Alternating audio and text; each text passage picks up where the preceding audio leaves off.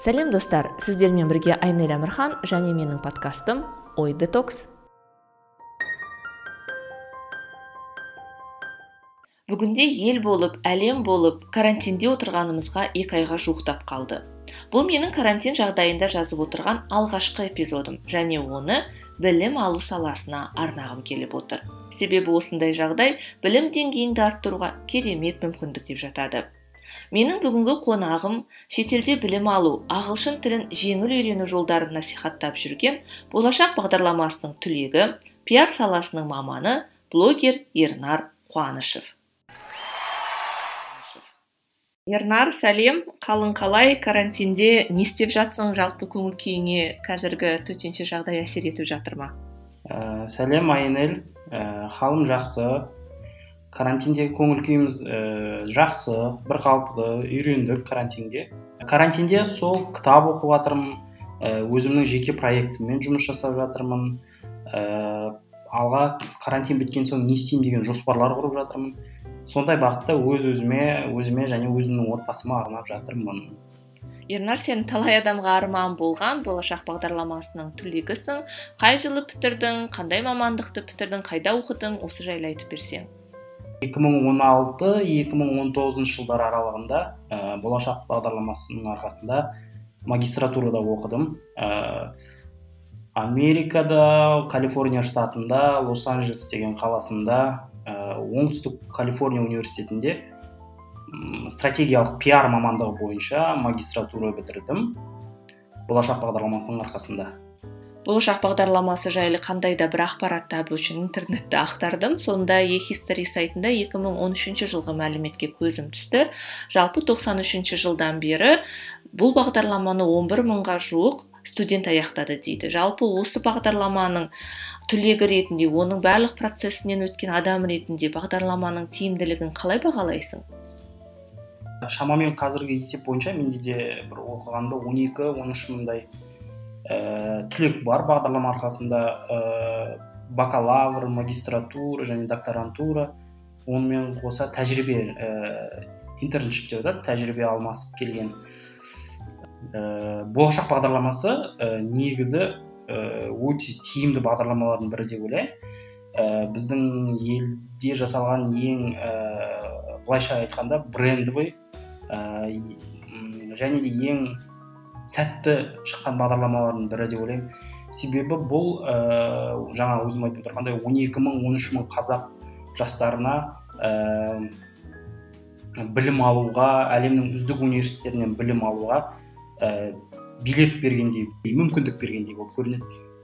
Себебі бағдарламаның басты мақсаты жастарды шетелде оқытып олардан алған жинаған білім тәжірибелерін елдегі елге алып келіп елге қызмет жасау.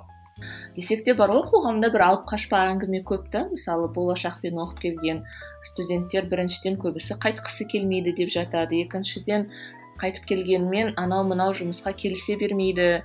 Қымбат бірден үлкен позицияда қызметтерді үйге отырғысы сондай қызметтерге барғысы келеді деп жатады. Жалпы сенің болашақты бітіріп келгеннен кейін елге келгеннен кейінгі сенің қоғамнан жалпы мемлекеттен күткен қандай да бір ә, жағдайларың болды ма? Ә, жалпы бұл бүкіл болашақ бағдарламасы бойынша ә, оқып келген студенттердің басынан өтеді деп ойлаймын. Себебі бітіріп келгеннен кейін не істеймін деген сұрақты әрбір адам өзіне қояды. Мен бұл сұраққа кішкене сол жақта оқып жүргенде ә, дайындала бастадым. Саясат нұрбек дейтін біздің ағамыз бар. Үлкен ә, болашақ бағдарламасының бір уақыттарда директор болған ә, жетекшісі. Сол кісінің айтуы бойынша бір ә, көпке сеніп қажет жоқ. Кішкен, келгеннен кейін ә, кіші позициядан бастап қайтадан жұмыс жасауға тура келеді. Сондықтан мына оқып келген білімдеріңізді ә, қызмет бабында бірден жоғары позицияға барамыз деп ойламаңыздар. Кішкентай кішкентай төмендегін бастап специалист жаңағы ведущий специалист деп айтады ғой орысша айтқанда. Сол бастап баспалдақ бойынша жоғарыға көтерілуге сондай стратегия құрыңдар деген ақыл берген бізге. Біз ә, сондай ақыл берген оның талай видеолары да бар ютубта. Мен өз өзім іштей дайындалдым ештеңе күткен жоқпын ол ең бастысы өзіме сендім бұл жолда. Ә, студенттердің енді келіп әркімнің ол жақта қалғысы келетін де студенттер бар жасырмаймын бірақ менің басты мақсатым енді мемлекет маған ә, қаржы құйып мемлекет мені оқытып отырса сол ә, білген түйгенімді елге алып келіп жұмыс жасау мендегі бір ә, адамгершілік парыз ретінде есептедім. Сенің парақшаңа инстаграмдағы жазылғанмын. Екеуміз енді онлайн доспыз инстаграмда. Сенің соңғы уақытта байқап жүргенім ағылшын тілі жайлы шетелде білім алу жайлы көбірек жазасың иә? Бізде енді қанша дегенмен үш тілді мемлекетпіз деп жатамыз. Ағылшын тілін білетін жастардың оқушылардың саны артып жатыр деп жатамыз десек те ағылшын тіліне аса мән беріле бермейтін сияқты иә жастардың тарапынан. Мүмкін мен қателесетін шығармын бұл салада ә, қандай да бір зерттеу жасамағаннан кейін оқымағаннан кейін. Жалпы ағылшын тілі бүгінде қажет тіл ма өзімнің басымнан өткен тәжірибе бойынша айтсам ағылшын тілін есейе келе оқыдым. Ол студент кезімнен бастап кәдімгідей қолға алып соны бір мақсат қылып алдым. Үшінші курстың басынан бастап қателеспесем. Ә, сондағы басты мақсатым ә, басты өзімнің басымдағы идея мынандай болды. Егер мен ағылшын тілін білмесем мен болашақта нарықта жұмыссыз қаламын деген. Ә, сол ой менде бір кішкене қорқыныш тудырды ма ағылшын тіліне жылдам кірісуге бір итермелеп себепші болды. Бірақ қазір ә, енді қазір қоғам кішкене өзгеріп жатыр. Ағылшын тілді ағылшын тілінде еркін сөйлейтін адамдардың саны артып жатырғаны мені өте қуантады. Ә, себебі әсіресе мына жастар мектеп бітіріп жатырған екі мыңыншы жылдан бері қарай ә, жастар екі мыңыншы жылы дүниеге келіп одан бері қарай жастар олар ағылшын тілінде еркін сөйлеу ағылшын тілінде сөйлеу олар үшін бір ә, барьер емес олар үшін бір қорқыныш та емес. Ә, себебі өзімнің туған інімнен көремін ол қазір ортада ағылшын тілінде еркін сөйлей алады ә, сүлеймен демирель атындағы университетте. Сабағын ағылшынша оқиды. Бірақ ә, дегенмен де дей тұра біздің қоғамда ағылшын тілі әлі проблема болып жатырған адамдардың саны көп. Ағылшын тілін әлі проблема деп көретіндер себебі ә, ол тілді оқуға қорқады немесе басқа да стереотиптер бар. Ә, менің басты идеям өзім блогымда жазып жүрген ә, ағылшын тілін бір сізге тек қана жұмыс емес ағылшын тілі бір әлемнің есігін ашатын тіл ретінде қараңыз деген ұстаным философия. Себебі бұл тілдің арқасында сіз барып білім ала аласыз бұл тілдің арқасында саяхаттауға болады жан жақты әлемге ағылшын тіліне ағылшын тілін оқыған адамның ә, кругозоры орысша айтқанда көңіл көңіл көкжиегі ә, артады деп кеңейеді деп ойлаймын. Мысалы мен де ағылшын тілін өте кеш үйрене бастаған адамдардың қатарындамын. Сегіз жыл бұрын ғана ден қойдым. Оның алдында мектепте университетте оқымаған болмаса мысалы сен де ересек болғанда студент кезімде оқи бастадым дейсің. Мысалы сен айтып отырған жаңағы шетелге бару білім алу ол көптеген біздің отандастарымыз үшін қажет емес дүние сияқты да.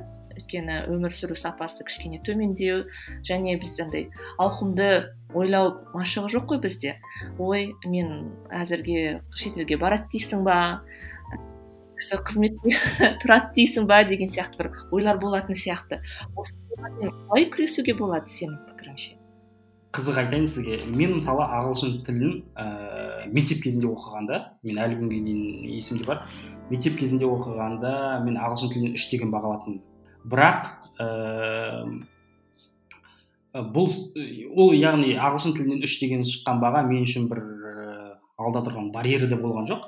Жай ғана мендегі мақсат сол тілді үйрену сол тілде еркін сөйлеу сол тілде ә, қалай айтсам екен сол тілде білім алу болды да.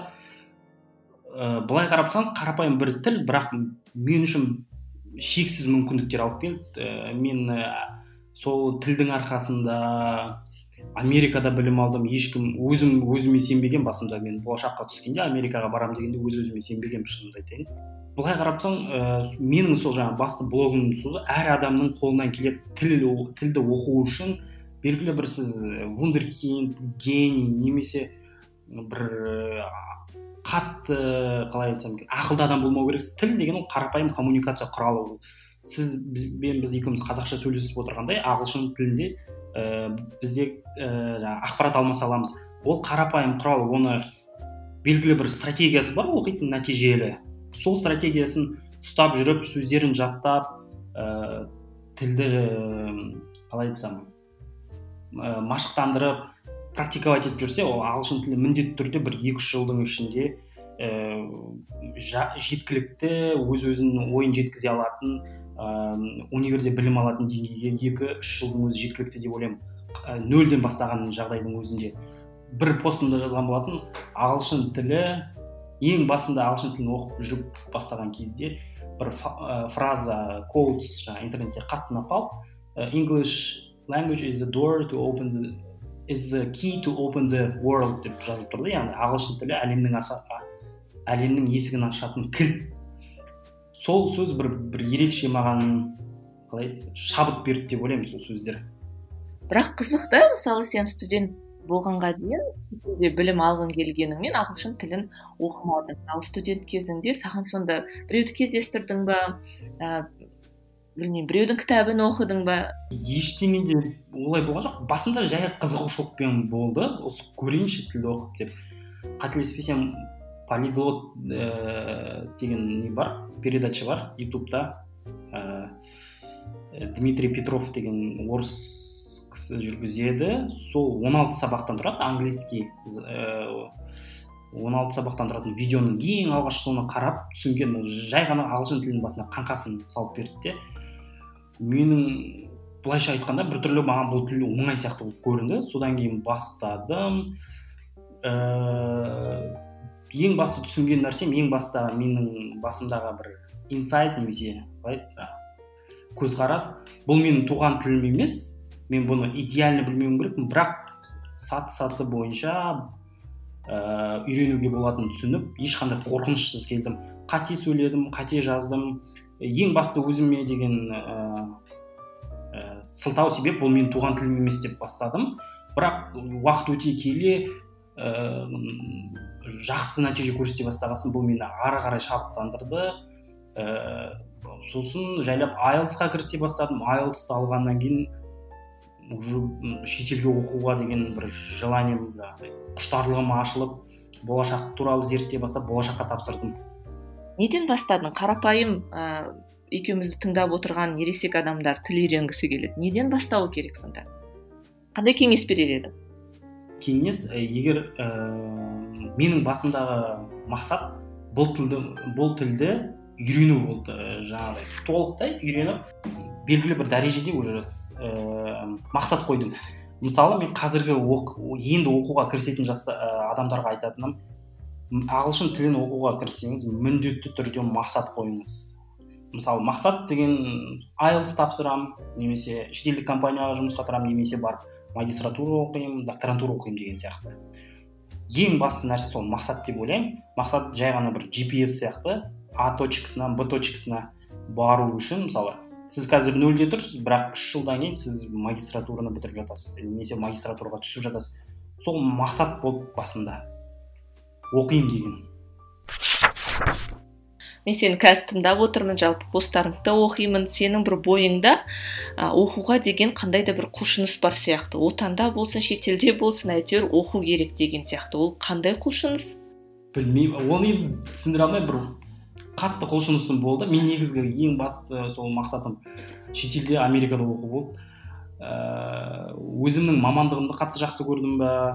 Немесе бір басқа бір ә, тәжірибе алғым келді ма басқа бір ортада болғым келді ма сондай бір өмірімді өзгертетіндей бір ә, қатты құлшынысым болды ол жаңағы соны оқу ретінде ә, оқуға тапсыру ретінде көрдім. Және де мамандығымды қатты жақсы көрген болар. Ә, пиар мамандығын бітірдім казгудан бірақ маған әлі бір нәрсе жетіспей тұрған сияқты болып тұрды яғни әлі бірдеңе оқығым келіп тұрды осы саланы әлі зерттегім келіп сондай бір ішімде не болды құлшыныс болды да. Америкаға барып оқимын дедім себебі пиардың негізі туған сол туған жері сол америка ғой американский брендтарды бәріміз білеміз мысалы. Әлемге әйгілі бренд. Сол именно міндетті сол америкаға барам деп оқу деген бір іште құлшыныс болды. Лос анджелеске түскеннен кейін қатты қуандым. Себебі сол универде ә, калифорнияда тұрғым келді сол универде оқығым келді. Ә, және де ә, ол жерде бір барып білім алудың өзі мен үшін бір мықты мақсат болды сол кезде. Оған ол университетке дейін бір екі үш университеттен шақыру алған болатын бірақ әлі көңілім толмай жүрді. Сол университеттен түскеннен кейін қатты қуанып ә, бірден құжаттарымды жинақтап ә, тамыздың басында тамыздың сегізі күні ау деймін лос анджелеске келдім. Ә, сол жердегі қазақтармен танысып оқуға августтың ә, тамыз айының аяғында кірістік. Оқу процесі негізі өте қызықты болды ол жерде. Себебі ә, ол университет ә, мемлекеттік емес жеке университет болып есептелді. Private университет деп аталады ағылшын тілінде private university. Бірақ әм, бір қызығы ол жерде енді қалталы адамның балалары оқыды көбінесе.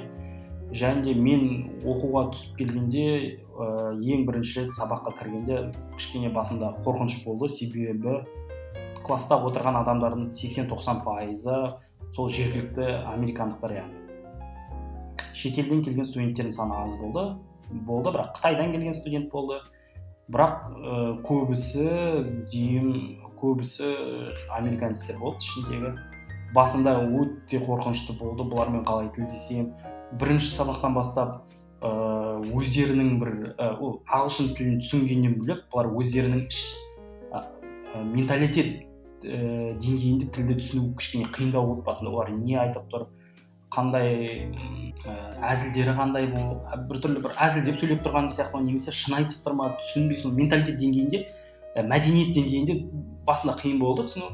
Бірақ бір бір екі айдан кейін оқуға үйрендім. Ә, мұғалімдермен танысып олардан ә, көмек сұрап жүрдім түсінбеген нәрселерімді сұрап.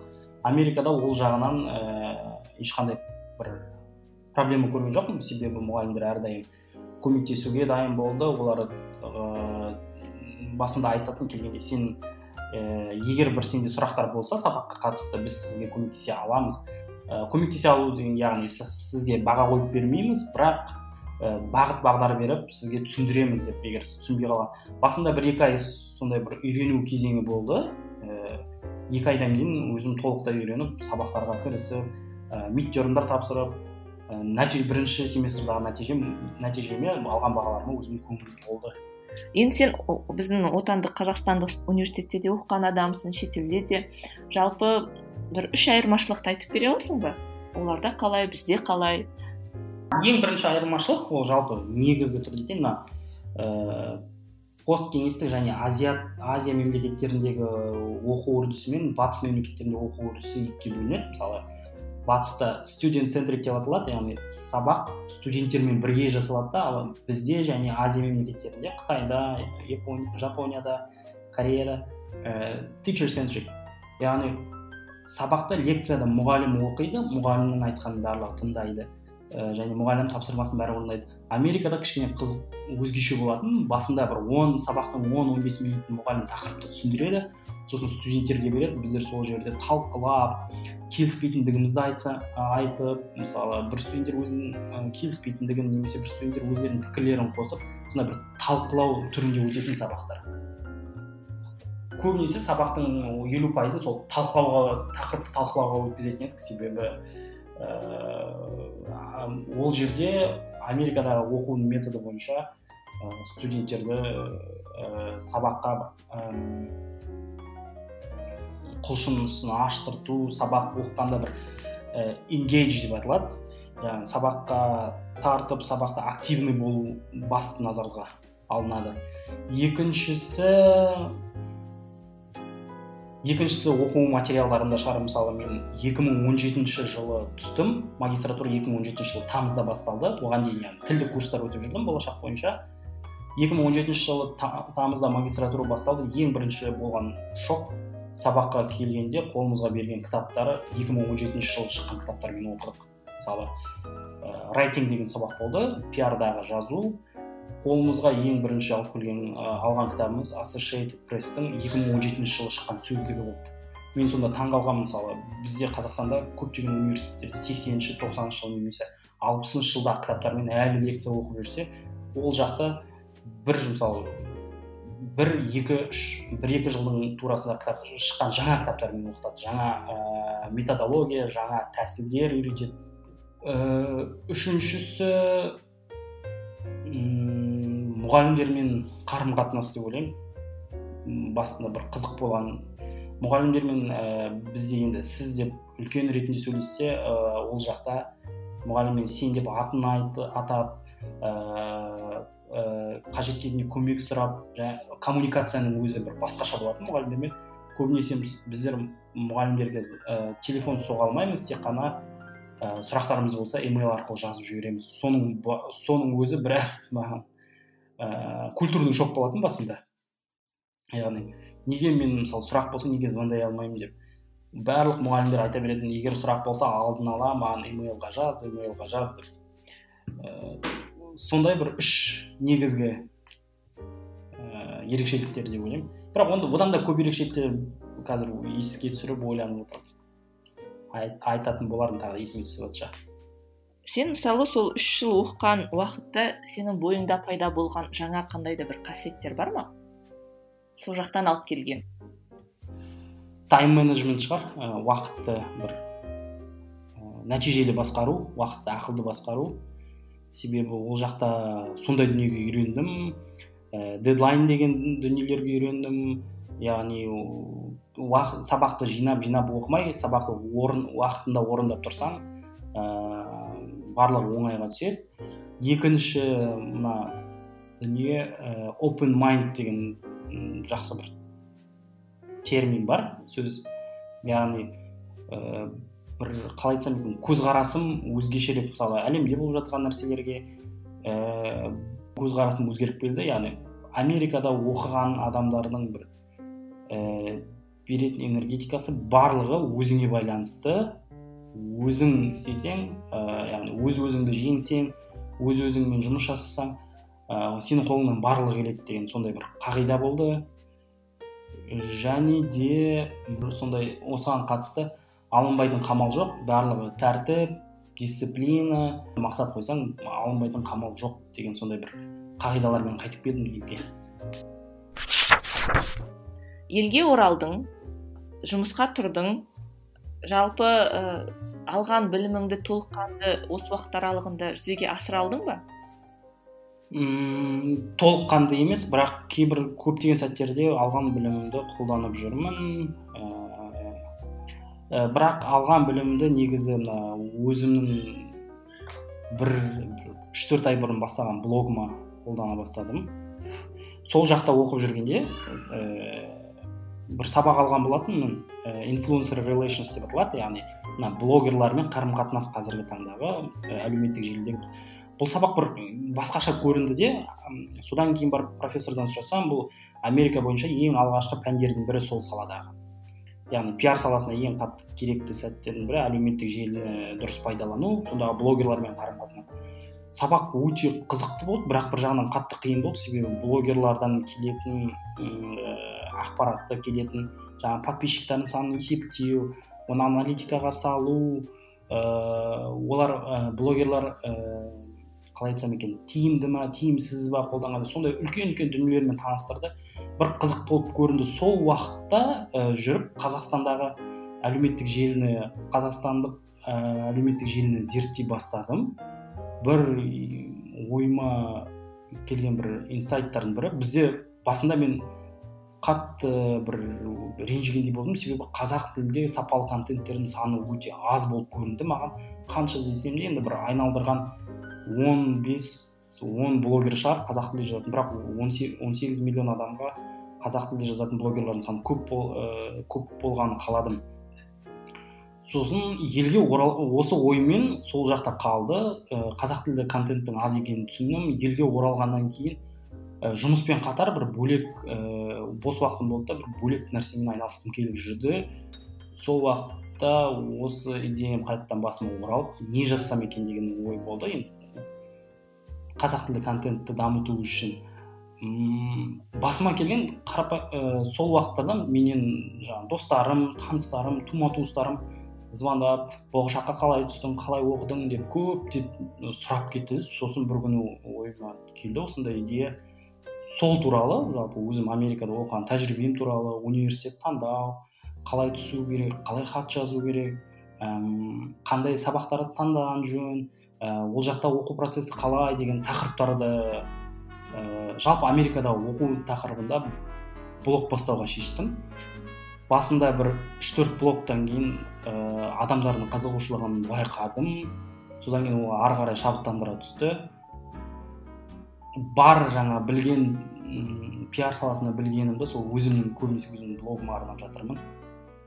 Ә, және де жұмыста қолданамын бірақ ә, ә, бізде аудитория қазақстанда аудитория ә, пиарға арналған аудитория екі бөлек. Жаңағы орыс тілді және қазақ тілді болып келеді. Сондықтан бір кейбір кезде нюанстар болады. Біз америкада оқыған дүниелер мен қазақстанда оқыған қазақстанда қолдануға келгенде ә, келіспейтін сәттер көп болады. Мысалы сен қазақ тілді блогерларды зерттедім деп жатсың ә, қандай блогерларды өзің оқисың? Және олар сені несімен тартты? Ең жақсы көретін блогерларым бар. Қазақ тілді аудитория. Ең алғашқылардың бірі өркен кенжебек Э, өте қызықтырып жазады. Танымдылық бағытта. Ә, әртүрлі тақырыптарда жазады. Содан кейін динара болаттың блогы қызықтырады. Ә, өзіңіз білесіз ғой динара болат ә, тревел саяхат. Өте қызықты қылып контенті өте ерекше. Динара болаттың басқа блогерлармен салыстырғанда. Шыңғыс мұқан ағамды тыңдағанды жақсы көремін. Ә, соның блогерларын блогтарын оқығанды жақсы көремін. Ол кісінің бағыты мына көшбасшылықты дамытуға адамның бойындағы бір қасиеттерді дамытуға арналған. Ә, содан кейін ә, кәсіпкерлердің блогерлар блогтарын оқып тұрамын. Қуаныш шонбай ә, мейірбек мырзаның сосын осы бір айналдырған он он екі адамға жете ма жетпей ма сондай. Мысалы сен атап өткен ыыы блогерлар көбінесе бір тақырып аясында жазады да сонысымен құнды сияқты. Ара арасында әрине қоғамдағы болып жатқан мәселелерге өз пікірін білдіреді. Негізгі мен ойлаймын құндылығы олар не сіз айтып отырған белгілі бір тақырып аясында сөйлеген. Сол өзімнің позициям бойынша ол дұрыс яғни мен де мысалы америкада оқу ағылшында сол тақырыптан айналшықтап жазбаймын. Мен мысалы ә, қоғамда болып жатырған нәрсе менің басты ұстанымым сол қоғамда болып жатырған нәрселер ә, саясат дін деген тақырыптардан кішкене алшақ болып бір тонкий тақырыптар ғой бұл жерде. Бұны мен қазір былай айтсам адамдар басқаша түсінуі мүмкін. Сондықтан тек қана өзімнің ұстанған бағытым оқуға білім алуға қатысты. Ә, басқа ә, бір тақырыпта жазатын блогерларды жақсы көремін. Себебі олардікі қалай айтсам екен сол саланың былайша айтқанда мамандары немесе эксперттер болып шығады. Сенің енді ә, блогыңа көшейік. Ә, жаңағы қай жерде оқуға қалай оқуға түсуге болады қандай бағдарламалар бар дейсің. Сонымен қатар менің бір байқағаным сен ағылшын тілі курсы бастадың иә? Мен негізгі енді мамандығым пиарщик мен мұғалім емеспін. Мен ағылшын тілін біреулерге үйрете алмаймын. Себебі мен ә, әр нәрсенің өз орнымен болғанын қалаймын. Мен мамандығым ә, мұғалім емес айтып кеттім. Ә, бірақ ә, бір күні бір ә, осылай интернетте қарап отырып самоучка философиясы деген тақырыпта орысша тақырыпта бір материалдар оқыған болатынмын. Мысалы самоучка деген дүние қазір самоучка болған адамдар көп. Біз білеміз мысалы механиктің дипломын алмай машинаны жинап машинаны шашып қайтадан жинайтын қаншама жігіттер бар бізде қазақстанда. Сол сияқты айтишниктің дипломын алмай компьютерді шашып қайтадан жинап оған программа жазып кодировать ететін жігіттер қаншама жігіттер бар. Яғни самоучканың бір ерекшеліктері олардың іштерінде бір ыыы былайша айтқанда драйв желание болады да. Бір нәрсені көрсем бір нәрсені білсем бұлай қалай болып тұрады екен бұлай қалай істейді екен. Олардағы басты нәрсе қорқыныш жоқ бірақ іштегі желаниялары тесіп тұрады. Ә, жарып тұрады былай қарасаңыз. Мен де сосын ойлап отырып ойладым. Мысалы ағылшын тілінде самоучка оқыған адамдарды мен де білемін талай. Олар кино қарап оқыған кітап оқып үйренген ағылшын тілін жаңағыдай ә, спикинг арқылы үйренген адамдар көп. Ә, мен солай бір күні қызық өзіме қызық болды да сосын блог ә, жазған пост. Егер мен сіздерге материалды беріп тұрсам оқуға өздерің оқып самоучка болып кетесіздер ма деп. Көп адамдардан ә, жауап алдым. Барлығы дайынбыз иә материал беріп тұрыңызшы. Бізде байқаған адамдар ә, бағыт бағдар беретін ағылшын тілін қалай дұрыс оқитын. Ә, ешқандай бір қазақ тілді материалдар өте аз екенін көрдім қазақ казнетте ә, сол сол үшін мен сондай бір бұл курс емес жоба ретінде қарап отырмын. Қазір енді жоба әлі дайындалып жатыр. Ә, мысалы қазір бір мұғалімдермен сөйлесіп жатырмын ағылшын тіліне сабақ олар ә, белгілі бір ә, жүйелік деңгейде материал дайындап береді. Студенттерге өздері видео сабақтар түсіріп сол сабақтар арқылы студенттер ағылшын тілін ары қарай оқиды. Ә, бұл ә, жаңағы белгілі бір платформа арқылы интернетте онлайн. Ә, басты ниеті ағылшын оқитын жандарға бір итермелеп оларға бір ниет ә, итермелеп ә, соларды бір шабыттандыру яғни. Жоба біраз уақытымды менің және мұғалімдердің уақытын алатын болған соң ә, кішкене бір өзінің құны бар бірақ өте қымбат емес. Яғни нарықта қазір ағылшын тілін курсқа бару үшін айына жиырма жиырма бес немесе отыз мың төлейтін болсаңыз астана алматыда. Бұл айына ыыы қателеспесем он мың деп істеп отырдық. Ең төменгі бағаны сол он мың теңге қылып қойдық. Яғни бір бір айлық курсты біздер онлайн жасап береміз. Студенттер өздері оқиды. Сұрақтары болса сол мұғалім арқылы платформа арқылы мұғаліммен қарым қатынас жасай алады. Сонда бұл заман талабына сай туындап отырған дүние болып отыр ғой. Әсіресе қазіргідей карантин жағдайында біз қашықтан оқудан болсын онлайн оқудан болсын артықшылығын біліп сезініп отырмыз. Бір ерекшелігі біздер бұл платформада сабақтарды жүктеп қоямыз. Ә, оқитын адамның қай уақытта уақыты болады? Біреуде таңертең уақыты болады біреуде кешке уақыты болады біреуде обедте уақыты болады. Сол өзіне ыңғайластырып уақытына қарап оқып ол ішінде тек қана грамматика емес ә, ә, қарайтын кино мультфильм тыңдайтын ә, подкасттар немесе тыңдайтын әңгімелер ағылшынша полностью мына жүйелік түрде ә, беріледі. Яғни интернетте бар дүниелерден беріледі сосын. Ә, сөздік қорларды жүктейміз. Сөздік қорды дамыту үшін тіл оқудағы ең басты дүние ол сөздік қорының мол болуы. Ә, сондай бір жүйелі түрде ә, қарадық осы мәселеге. Бұл жерде бір саған келетін сендердің жобаларыңа келетін студенттерге деген үлкен сенімділік бар сияқты да. Себебі біз енді қадағалауды үйреніп қалған адамдармыз ғой. Егер біреу ә, артымызда тұрмаса оқымайтын сияқты. Мен айтатын дүнием көптеген ағылшын оқитын адамдарға көбі мұғалімге немесе бір курсқа сенеді. Ә, мен осы курс мықты қылтады как будто бір мұғалім мен курс миын ашып ішіне ағылшын тілін салып беретін сияқты болып көрінеді де. Мен айтамын егер мықты мұғаліммен менің ә, тұжырымым бойынша мықты мұғалім мен мықты курстар әрі кетсе ағылшын тіліңіздің дамуына отыз қырық пайыз үлесін қосады. Ары қарай алпыс жетпіс пайызы ол сізге қатысты яғни сіздің дисциплинаңызға күн сайын оқып сөздер жаттауыңыз күн сайын жаңағыдай ә, неше түрлі видео қарауыңыз ә, сөйлеу дағдысын практиковать етуіңіз барлық адамның өзіне байланысты бұл жердегі басты мәселе яғни адамды өзінің өмірін қолына алуға яғни бағыттап отырмыз яғни өзі отырып ағылшынды оқу. Мысалы менде де кезінде бір студент кезде ақшам болмай қалған кездері өзімде кітапты ашып ә, немесе ютубты ашып ағылшын тілін оқып жүрген кездерім болды жасырмаймын. Ең мықты нәтиже беретін кез егер адам өзі өзіне сеніп өз өмірін қолына алса мен бұны оқимын бұны ә, бұл тілді бұл тілді үйренемін деп ә, нақты мақсат қойса қолынан келеді міндетті түрде. Ол үшін ешқандай сіздің мысалы қалтаңыздың қалыңдығы немесе көкеңіздің бір мықты жерде отырғаны сіздің я вундеркинд немесе я гений ештеңенің қажеті жоқ. Тек қана тәртіп тек қана оқуға деген құлшыныс ниет дұрыс болса барлығы қолдан келеді.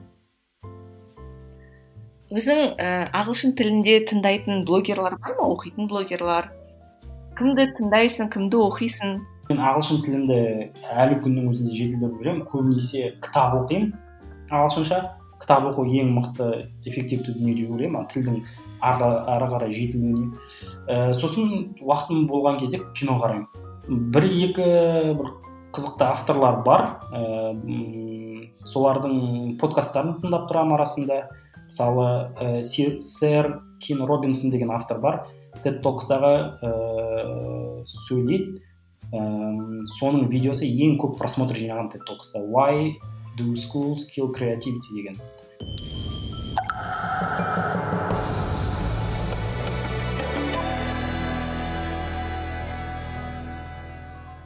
ол білім беру бағытында қызықты қызықты дүниелер айтады өзі сол саланы зерттейтін ғалым білім беру жүйесін. Сол адамның интервьюларын сол адамның видеоларын сол адамның подкасттарын тыңдап тұрамын арасында? А қандай кітап оқып жатсың?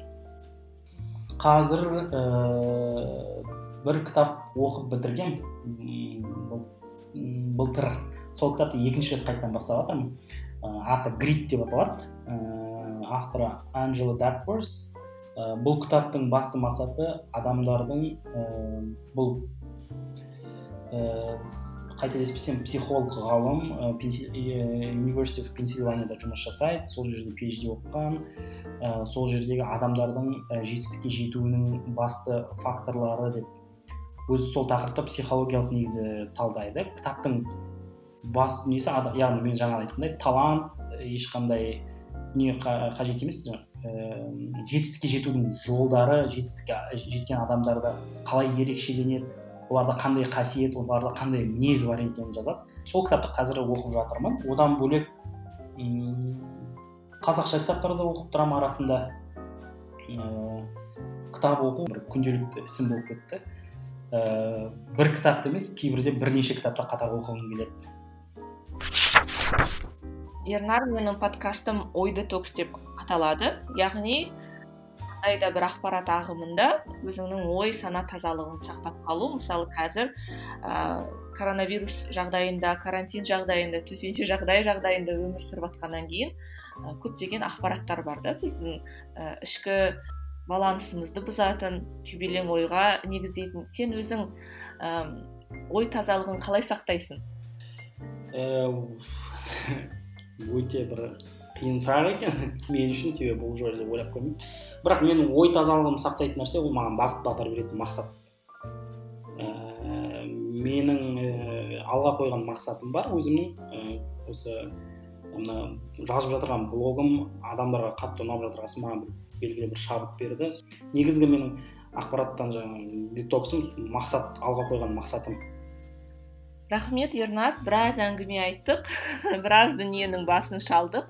Шын мәнінде енді ол білім саласы тіл үйрену мәселесі бір отырғанда шешілетін айтылатын дүние емес десек те бұл тақырып бойынша толыққанды пікір алғысы келетін адамдардың бәрін ернар парақшасына жазылуға шақырамын. Өте қазақ тілінде көптеген маңызды мәселелер бойынша посттар бар. Өзім де сүйсіне қызыға оқимын. Сол ернар тағы да бір айтам деген менің тыңдармандарыма айтам деген пікірің болса мархабат рахмет сізге айнель. Біраз енді көптеген тақырыптардың басынан бір шалып өттік. Менің енді бұның барлығын білемін деп айтпаймын. Білгенім тоғыз болғанмен білмейтінім әлі тоқсан тоғыз әлі де. Өзіммен жаңағы осы салада зерттеуге әлі талай жұмыс жасаймын деп ойлаймын. Подкастыңыз дами берсін. Осындай ә, ерекше ерекше оқиғаларда ерекше адамның басынан өткен оқиғаларды ә, қоғамға беріп адамдарға бір ә, итермелеуге бір нәрсе жасап дұрыс нәрсе жасауға итермелеуге шабыттандырсын. Ә, мен подкастты подкасттарды жақсы көремін. Себебі сізге айтқан болатынмын осыған дейін мен ә, универ бітіргенде соңғы жобам осы подкасттар тақырыбын зерттеу болды. Себебі подкасттар ә, болашақ контент ә, контент саласының ә, әлеуметтік желідегі контенттің болашағы бір адамдар бұрын суреттер мықты болсын дейтін қазір енді видеолар деп жатыр. Бірақ болашақта бір екі үш жылдан кейін немесе төрт бес жылдан кейін подкасттардың дәуірі келеді деп ойлаймын. Сізге де көп көп рахмет. Осындай қызықты қызықты сұрақтар қойғаныңыз үшін айнель. Құрметті достар осымен ой детокс подкастының кезекті тоғызыншы эпизоды тәмамдалды. Аяғына дейін тыңдағандарыңызға мың алғыс. Қазақ контентіне подкасттың дамуына қосқан үлестеріңіз болсын менің ой детокс подкастымның эпизодтарымен өз таныстарыңызбен достарыңызбен бөлісуді ұмытпаңыздар. Сіздердің кері байланыстарыңыз мен үшін өте маңызды. Аман есен келесі эпизодта кездескенше. Сау болыңыздар.